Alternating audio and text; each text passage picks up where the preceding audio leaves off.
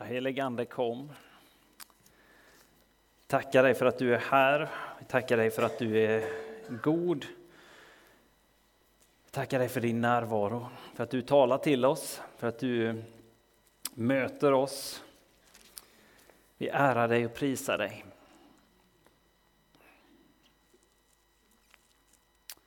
I Faderns, Sonens och den helige Andes namn. Amen. Vi har haft förmånen idag att få, få döpa August och temat idag är Guds rike är nära. Jag ska läsa evangelietexten för andra advent idag eh, som är från Matteus evangeliet kapitel 13, vers 31 och framåt.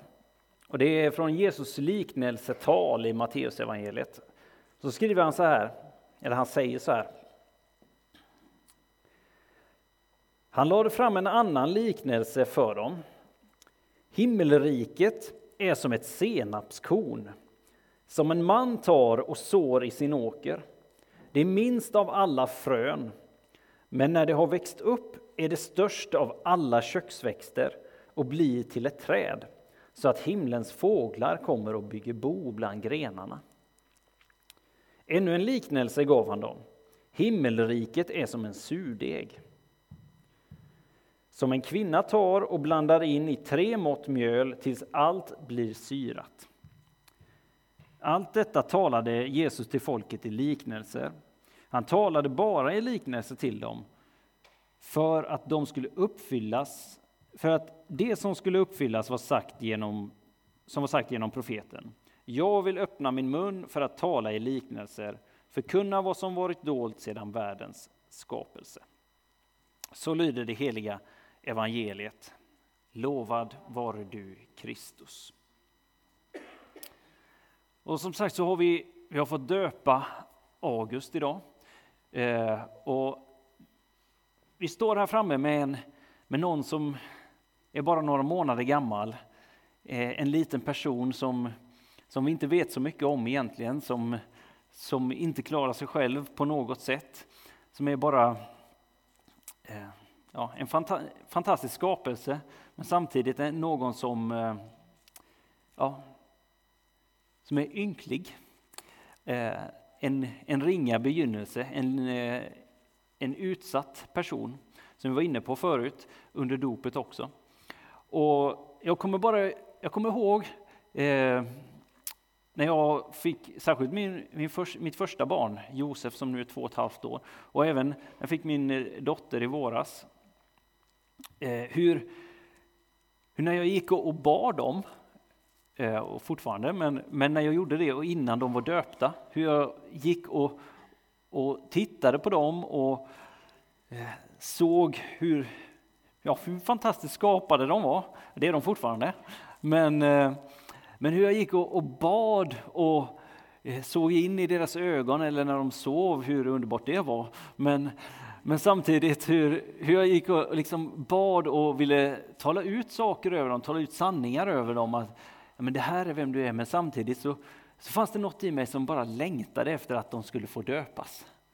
Att de skulle få föras in i, i Guds familj, att det, det skulle finnas på något sätt den här etablerade sanningen att nu, nu är ni där, nu är det bara fritt fram och proklamera de här sakerna över er. Jag gjorde det innan också, men, men känslan av att nu är vi där. Nu är ni insatta i Gud. Nu har han tagit er till sig och nu, nu kan jag bränna på så, så fritt jag bara vill. Liksom.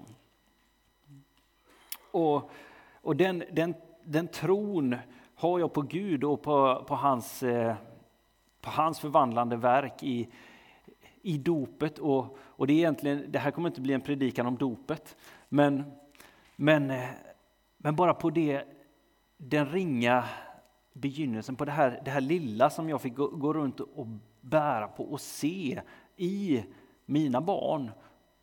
Små barn som ska få växa och bli någonting. Och vi, talar här, vi läste här om liknelsen om senapskornet och om surdegen. Någonting som fick sås in i, någon, i ett litet, litet frö, det minsta fröet som de talade om på den tiden.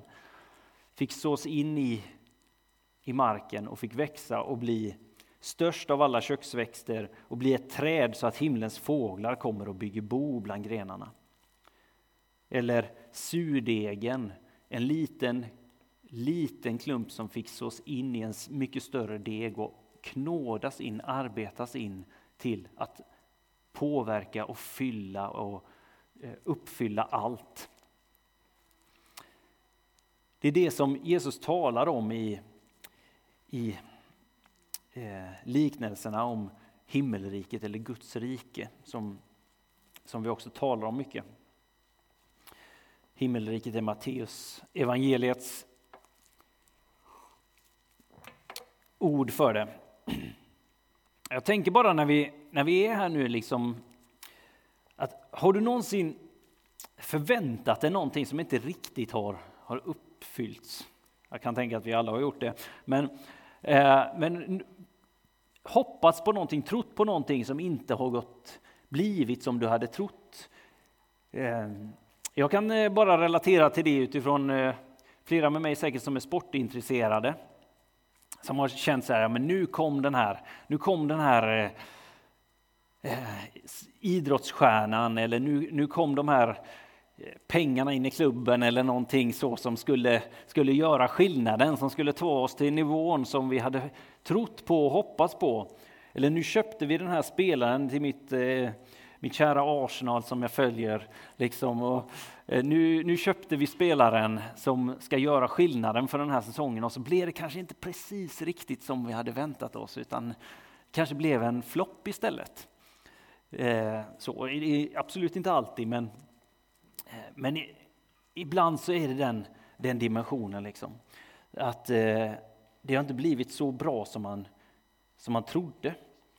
Det kan ju vara likadant på många olika områden. Det kan vara att eh, man förväntar sig någonting av den här politikern som, som kliver in på banan och, och ska rädda upp hela, hela samhällssituationen eller någonting. Jag tänker att vi kanske många gånger har trott att eh, saker och ting ska hända i mitt kristna liv eller i kyrkan eller i min hemgrupp eller någonting när vi har, har fått det här tilltalet eller vi har hört den här eh, predikan eller Eh, det här profetiska ordet som har talats ut över Sverige eller över vår, vår stad eller församlingen eller vad det nu är. Liksom. Nu kommer väckelsen. Men så så kanske vi går där och funderar på sen, vad, vad var det som hände med det där egentligen? Vad var, var tog, var, var är vi någonstans? Den där, det där stora ordet som kom, varför ser vi inte det nu? Ibland, ibland så överträffas vår tro och förväntan också. Vi, vi kanske hör någonting och så tänker vi, ah, det där kommer aldrig hända. Och sen helt plötsligt så, så händer det. Den dimensionen finns ju också, den sidan utav myntet finns också. Eh, men många av oss har nog de här erfarenheterna också av att man hör någonting, man, man kliver med och så, så känner man att nu, nu är det på gång och så sen så är vi inte riktigt där.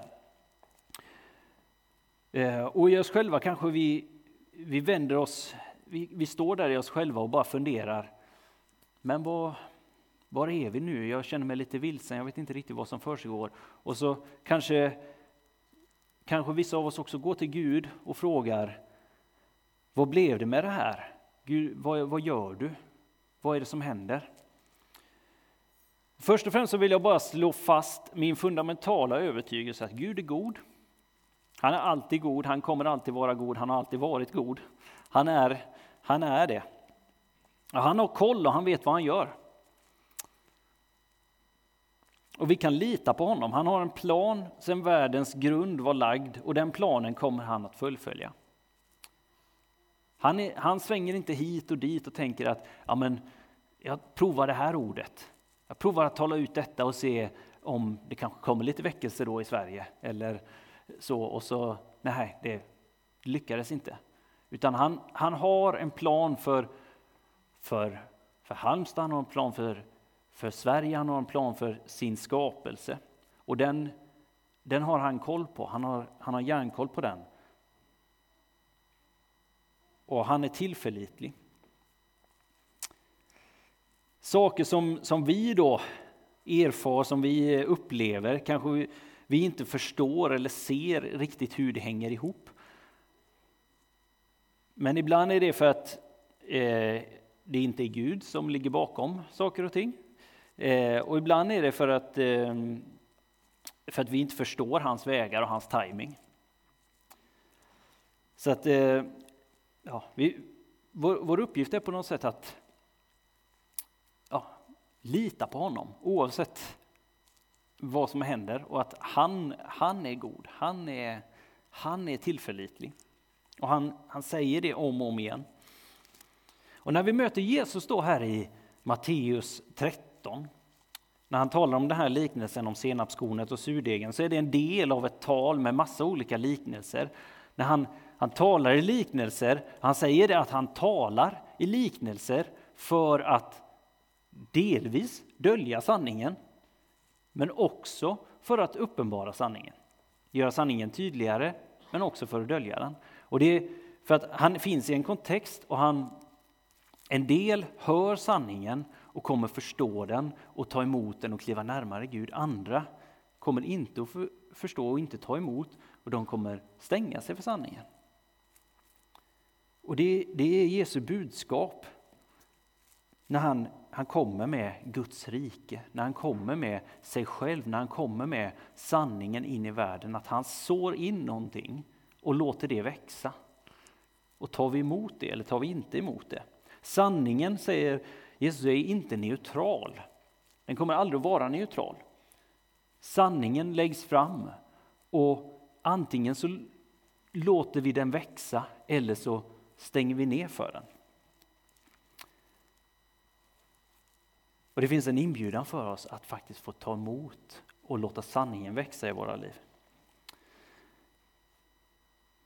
Och den här, den här kontexten som Jesus, han, han är, finns ju i Israel och han är jude och, och de väntar på Messias, de väntar på Guds rike. De väntar på inbrottet av just att en frälsare, en räddare ska komma och förändra allting. Och Jesus säger, han presenterar sig i alla evangelierna att jag är här, Messias är här, Guds rike är här. Det här är vad ni har väntat på. Det glada budskapet är här. Och de säger så här, jaha, eh, det har kommit andra som har sagt det också, de, de blir haja till för de förstår vad det innebär. Och det här kommer utifrån flera, en bild som har byggts upp av Gamla Testamentet. Det som ligger till grund för det som Jesus kliver in i. Och bland annat så är det utifrån Daniels bok kapitel 2 där han målar upp en bild av, av Människosonen där det är eh, kung Nebukadnessar som har en dröm och Daniel, Daniel uttolkar den. Och han säger att det kommer vara fy, massa olika riken som är världsliga riken. Alltså kungar, makter som, som härjar på jorden och judarna, de var ju eh, betryckta utav romarriket. De var ockuperade av romarriket och de väntade bara på att friheten skulle komma, Guds rike skulle komma och bryta ner detta, att härligheten skulle komma. Egentligen det som, som vi i kyrkan väntar på ska hända när Jesus kommer tillbaka. Att Guds rike ska bryta in i makt och härlighet och eh, hans rike ska blomma ut i fullhet. Det var det de väntade på. Att Messias skulle komma på, som en, en krigare, att han skulle komma och förgöra alla andra makter egentligen. Och att, eh, att eh, all härlighet och, och, makt och läkedom och hälsa skulle komma fullt ut. Och när Jesus kliver in på scenen och gör saker eh, och förkunnar, men rikena drivs inte bort, så blir de förvirrade och Det här talet handlar egentligen om att Jesus säger att jag har kommit, Guds rike är här, Guds rike är nära. Men det ser inte ut som ni har förväntat er och det som ni väntar på det kommer komma men Det säger han inte då, men det kommer dröja åtminstone 2000 år. Eh, och det här är sättet som ni behöver leva med mig i relation till mig fram tills dess. Så när vi läser liknelserna här om senapskornet och surdegen så talar han om det börjar i det lilla. Förakta inte det lilla. Och när vi i våra, våra liv får, får komma nära Jesus, får leva med Jesus, så kanske vi lever med förväntan på att det stora ska braka in, härligheten ska braka in, Guds rike ska braka in i mitt liv varje dag där jag är hela tiden. Eh, det, det var vad judarna förväntade sig att Messias skulle göra. Och jag, jag tror att vi, det finns en dimension absolut av att Guds rike brakar in, men vi ser inte det hela tiden. Och för, för oss så kanske vi behöver leva alltså, mellan de här sakerna. Ibland måste vi öka vår förväntan på vad Gud kan, kan göra, men vi måste också se att jag ser det lilla kornet. Jag ser det, det kornet som sås hela tiden. Jag värnar om, om det lilla och när det växer så måste jag påminna mig om att komma ihåg den, det lilla som händer runt omkring mig.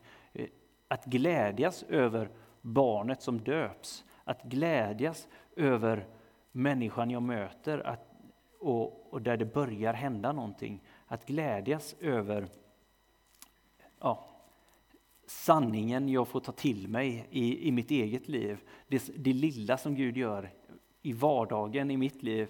När, för att jag kommer inte varje dag se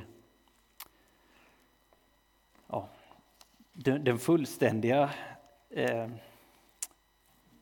härligheten, om man säger så, eh, runt omkring mig. Det gör vi när Jesus kommer tillbaka i makt och härlighet. Och det är det vi får fästa blicken på, att han kommer komma. Han kommer rida in, han kommer förändra allting. Men tills dess så drar vi oss nära honom. Vi lever i intimitet med honom, vi lever i hans, hans frid och hans, hans kraft, hans sinnelag. Och vi får se de små segrarna. Och i det så genomsyras det till en, ett större träd. Ett, en deg som är genomsyrad. Jag tänker bara för att ta det till en, en närmiljö, en, en, en församling som planteras och växer till en större församling. Som den här församlingen, nu har det gått 32 år eller vad det är, men, men det, det tar tid tills det växer. En, ett barn som döps som får växa till en person och så in i andra efterhand. Men man behöver få, få lära sig på vägen, lära sig gå, lära sig tala, lära sig eh, gå igenom olika faser i livet.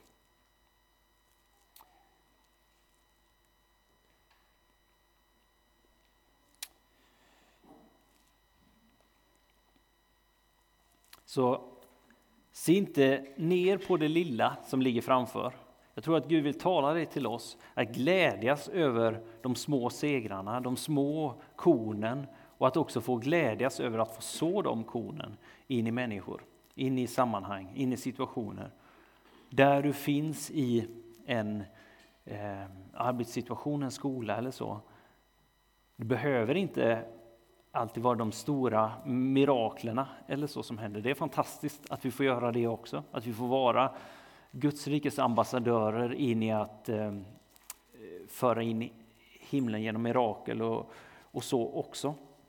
Men att vi kan få se de små, små tecknen, de små förändringarna och vara med och knåda över tid också. Så se inte ner på det, det lilla utan var trofast i din vardag eh, i att Gud bearbetar dig, han bearbetar eh, sammanhang genom att knåda degen. Han knådar dig. Din dagliga bibelläsning, den knådar dig över tid. Din dagliga bön, den knådar dig. Den låter trädet växa till att till slut så kommer nya fåglar bygga bo i ditt träd. Och nya fåglar och nya fåglar. Och det som du inte trodde var möjligt igår, när du har stått trofast så kommer det vara möjligt. Så låt oss be Gud om uthållighet, om hans, om hans tålamod, om hans frid, om hans kraft. Att han får knåda oss. Herre, jag tackar dig för att du är kungars kung och herrars herre. Jag tackar dig för att du har all makt i himlen och på jorden som vi har läst här idag. Jag tackar dig för att du har döpt oss och fört oss in i, in i ditt rike, i din nya skapelse, in i din familj. Att vi får vara dina barn. Att du har gett oss din heliga Ande. Och att du ger oss all den kraft vi behöver. Att du drar oss nära dig. Och tack Herre för att, eh, för att vi får vara en del av ditt verk, Herre. I den här världen, i den här tiden, den här tidsåldern mellan din seger eh, och ditt införande av riket till det fullständiga upprättandet. Jag ber Herre att vi får vara fyllda av hopp och tro Herre, och att vi får se det som du gör. Att vi får fyllas av det som du gör. De, det små och det, eh, och det stora.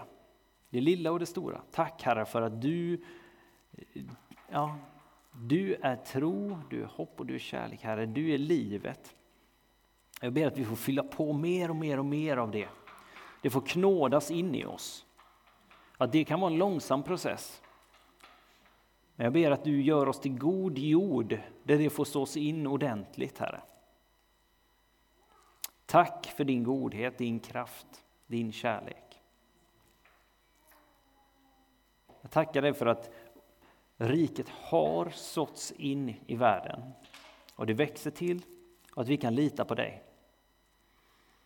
Jag ber att även om vi inte förstår saker och ting, även om vi inte förstår vad som, vad som händer i vårt land, i vår stad, i vår församling ens, så får vi komma till dig. Vi får lita på dig. Vi får komma till ditt ord. Vi får lita på att du talar sanning.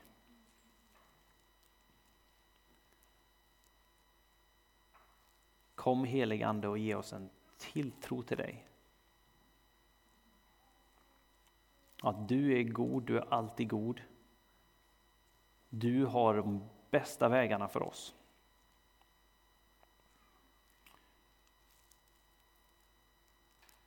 Samla oss kring dig. Ena oss och sänd oss, Herre.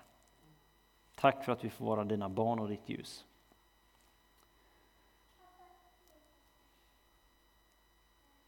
Amen.